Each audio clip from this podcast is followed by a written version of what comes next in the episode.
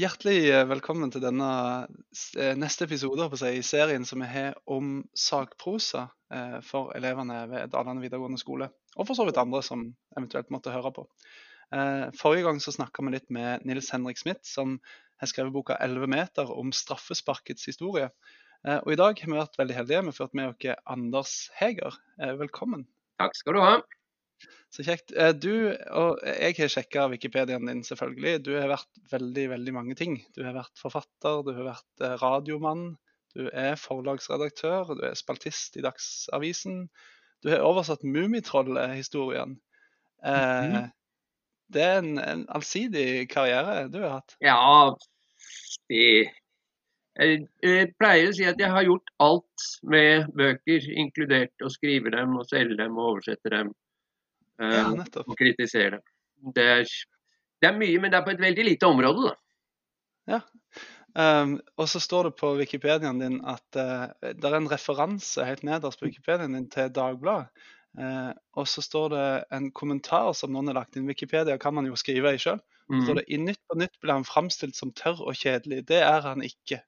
Det er gøy. det får stå for den for den som har skrevet det sin, sin regning. Jeg veit ikke. husker du episoden på Nytt på nytt? For jeg ja. kan ikke huske det. Ja, det husker jeg. Det husker jeg. Mm. Det var vel to ganger jeg var der, tror jeg. Ja, um, tøft. Ja, det var, det var kjempegøy, det, altså. Fascinerende. Um, du har òg eh, gjort eh, Du har skrevet eh, biografien om Agnar Mykle, som du fikk Brageprisen for i 1999. Mm. Det litt, og det er jo litt inn, inn i den um, retningen som vi holder på med nå på skolen. Um, og den boka heter et, et, diktet liv'. Hvorfor ville du skrive ei bok om Agnar Mykle? Altså, Agnar Mykle er Nå er han jo mer glemt, men han var hovedpersonen i den største rettssaken om litteratur som har vært i Norge i det hele tatt. Fordi han skrev en bok som eh, ble beskyldt for å være pornografi, eh, og ble stoppet. Eh, pornografiskrift var den gang forbudt i Norge, dette var på 50-tallet. Eh, mm. Og det ble en kjemperettssak om det, som handlet litt om ytringsfrihet, eh, litt om at han hadde vært utleverende for andre mennesker i disse tekstene. Og, og, veldig mye om pornografi og hvem personen var. Han har dessuten levd et kjempespennende liv. Det var derfor jeg eh, valgte å skrive 700 sider om ham. Eh, og det var veldig gøy å arbeide med. Men grunnen til at jeg kalte den et diktet liv, er at han har brukt hele sitt forfatterskap til å skrive om seg selv Eh, å lage litteratur av det som var hans virkelige liv. Eh, for øvrig akkurat det samme som Knausgård har gjort i våre dager, og som nok alle forfattere gjør i større eller mindre grad. Men noen gjør det veldig tydelig, som f.eks. Knausgård eller Mykkel. Ja, og, og, disse forfatterne skriver jo det som vi tradisjonelt vil kategorisere som eh, skjønnlitteratur. Ja. Selv om, som du sier, at de skriver om sine egne liv. Og, og, det som kanskje er litt vanskelig å forstå for elevene som hører på nå, er hvordan kan ei bok føre til at, man blir, eh, at det blir rettssak ut av ei, ei, ei skjønnlitterær bok som tross alt er fiksjon? Det er helt riktig, og det er en evigvarende diskusjon i de litterære miljøene.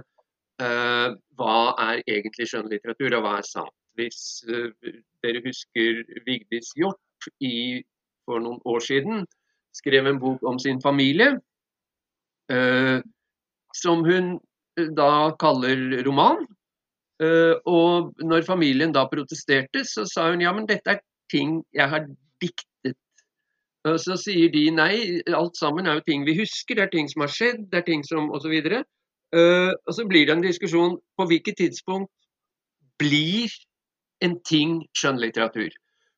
Fordi alle forfattere må jo skrive med bakgrunn i noe de har sett, noe de har opplevd. Eh, men du kan dikte i større eller mindre grad. Og det rare er jo Knausgård f.eks. skriver altså Alt han skriver er mer eller mindre beskrivelser av det som virkelig har skjedd. Det rare er da at vi ender opp på en måte med å si at hvis du setter roman på omslaget, så er det en roman. Hvis du setter fortelling fra virkeligheten, så er det en fortelling fra virkeligheten. Hvis du setter sannhet, så er det en sannhet. Ja. Disse kan man snu litt på det? Kan man snu litt på det og si Kan man dikte i sakprosa, da? Eh, Det gjøres hele tiden. Vi tenker bare ikke på det som diktning. Fordi hvis du f.eks. skal forklare eh, klimaendringene, da, så sier du La oss tenke oss en mann som er vant til å begynne å gå på ski hvert år i november. Eh, Nå må han begynne i desember. Og så kan du ut, utbrodere det eksempelet. Eh, Du kan til og med gi denne mannen et navn, du kan gi ham eh, et sted hvor han pleier å gå på ski, og beskrive dette. Og du vil hele tiden være Du gjør det bare for å skildre klimaendringer, det er bare et eksempel du har tatt. Men du har jo faktisk diktet opp et menneske. Den type Ja. ting skjer hele tiden. Det skjer hver gang du løser en matteoppgave, og så sier du 'Fredrik kjører fra Trondheim klokka tolv', og så skal du regne ut når han er på Dovre. Det er et lite stykke diktning der. Ja. Men er det ikke et uh, Kan man ikke som leser føle seg litt lurt, da? Når eh, man på et vis uh, opererer i det skjæringspunktet mellom sannhet og, og fiksjon hele Jo, men nå diskuterer vi egentlig hva er, hva er de litterære sjangerne? Altså, all, all skjønnlitteratur inneholder veldig mye sannhet, ellers ville vi ikke gidde å bry oss om det. Selv en, en kriminalroman, det er jo nettopp fordi at vi sitter og forestiller oss Tenk om det var sant? Uh, um, og omvendt, all sakprosa er på en måte um, Den er ikke diktet, men den gir en fremstilling av virkeligheten som forfatteren har valgt, og som han vil ha deg til å tenke. Eh, så så du, du blir Du blir på en måte lurt. eh, Ja. Fordi du får et utvalg av en virkelighet. Altså, det er spennende. For, fordi da er vi inne på det som, som vi prøver å jobbe litt med nå, som handler om det å skrive engasjerende sakprosa. Og, og hvordan skriver man på et vis gode historier om, om det sanne? Hadde du noen altså Når du jobber med, med biografien om Agnar Mykle, hva, tenkte du litt i de banene? Hvordan skal jeg skrive gode historier om, om det som skjedde, på et vis? Eh, han eh, Det er et veldig dårlig utgangspunkt, fordi han var jo en fyr som hadde 400 seksualpartnere. Det er ikke noe vanskelig å finne og få hektet leseren på en beskrivelse av hans liv. Um, men, men det kan være vanskelig hvis du skal skrive en drøftende tekst om, om norsk EU-medlemskap. Så må du tenke og jobbe veldig mye for å få leseren hektet. Og jeg er jo som du sa forlagsredaktør, og jeg er vant til å, å arbeide sammen med forfattere. Og den største feilen folk gjør, er at de ikke setter seg i leserens sted når de skal få med seg Du skal få med noen til å bli engasjert av teksten din. Eh, du, det finnes knep, selvfølgelig. Det finnes inngang med å ta en personlig historie og vri litt på den og gjøre den, gjøre den relevant for andre. Du, du kan si liksom jeg kan, jeg kan fortelle en en historie fra mitt eget liv og få hektet dem på der, og derfra si noe om norsk EU-medlemskap. Men den, allikevel så gjør man den feilen at man glemmer hvem er leseren, og hva vil leseren min eh, Hva trenger leseren min for å forstå hvordan jeg tenker? Eh, du bare durer i vei med dine egne tanker istedenfor å, å se for deg en annen og, og tenke hva er det han eller hun trenger for å kunne gå inn i den tankebanen som jeg vil lede han eller henne inn i. Jeg pleier å si at man skal ta leseren i hånden og leie ham gjennom manuset. Eh, det, er, det er veldig lett å glemme for forfattere. Det var en slags eh, Jan Erik Vold-referanse, det der. Ja, det var det. Så bra. Du, nå får elevene i oppdrag å skrive en argumenterende tekst om hva enn de vil.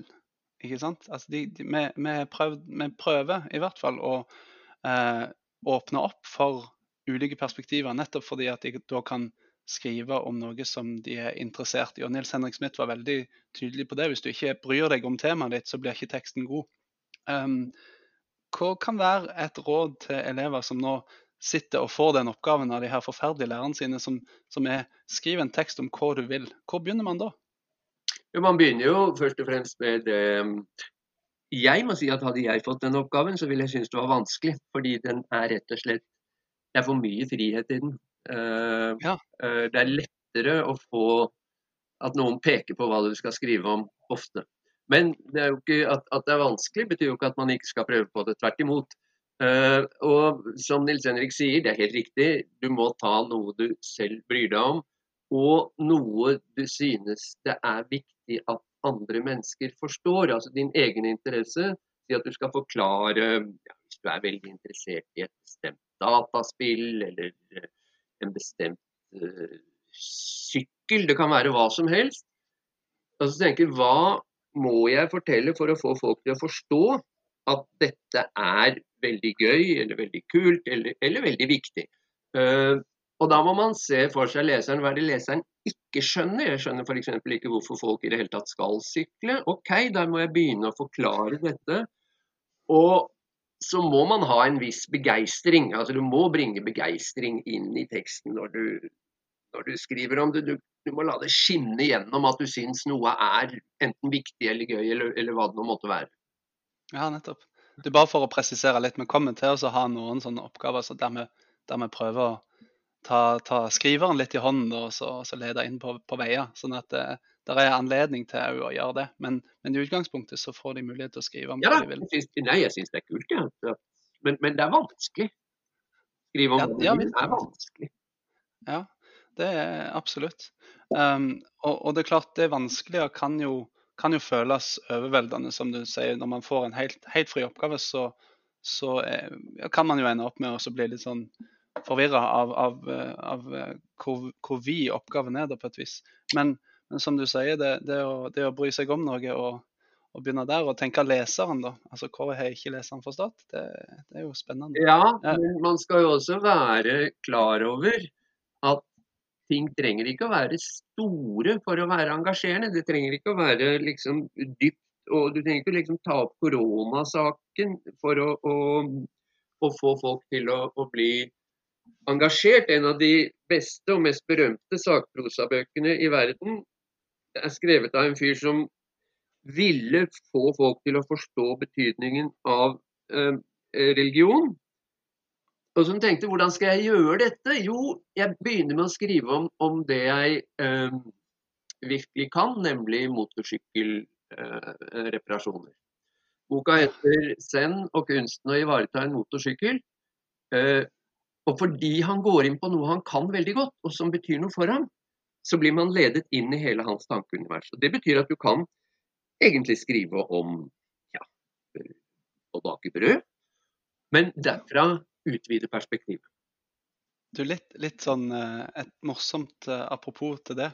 Før eh, koronasituasjonen så hadde vi et, et prosjekt i, i, fjor høst da, der vi skulle skrive kreative tekster. Og Da valgte vi det som da var eh, Fritt Ords tema til årets skrivekonkurranse, som var krise.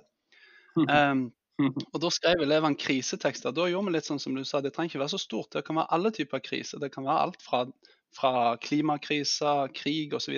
helt ned til de minste ting, som det å få en firer på en prøve istedenfor en femmer. Så elevene har, har skrevet en del kreative tekster som vi skal gi ut i bokform nå snart. Men, men nå kan man jo på et vis overføre det til til den tenkingen rundt eh, sakprosa. Da. Det trenger, ja, ikke være, det trenger ikke være de gigantiske tingene på et vis. Nei, det kan godt være lite. Så bra. Helt sånn avslutningsvis, har du et uh, siste tips til, til, å, til, å, komme i gang med skrivinga? Det er kanskje et vanskelig spørsmål.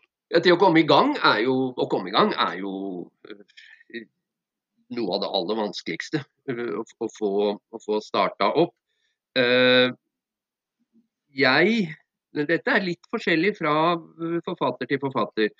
Jeg er avhengig av å ha en god førstesetning. Jeg kan godt endre den etterpå, men jeg må starte med det jeg vet er første setning. Men jeg vet at mange andre kan starte midt i teksten og så bygge seg utover til første setning.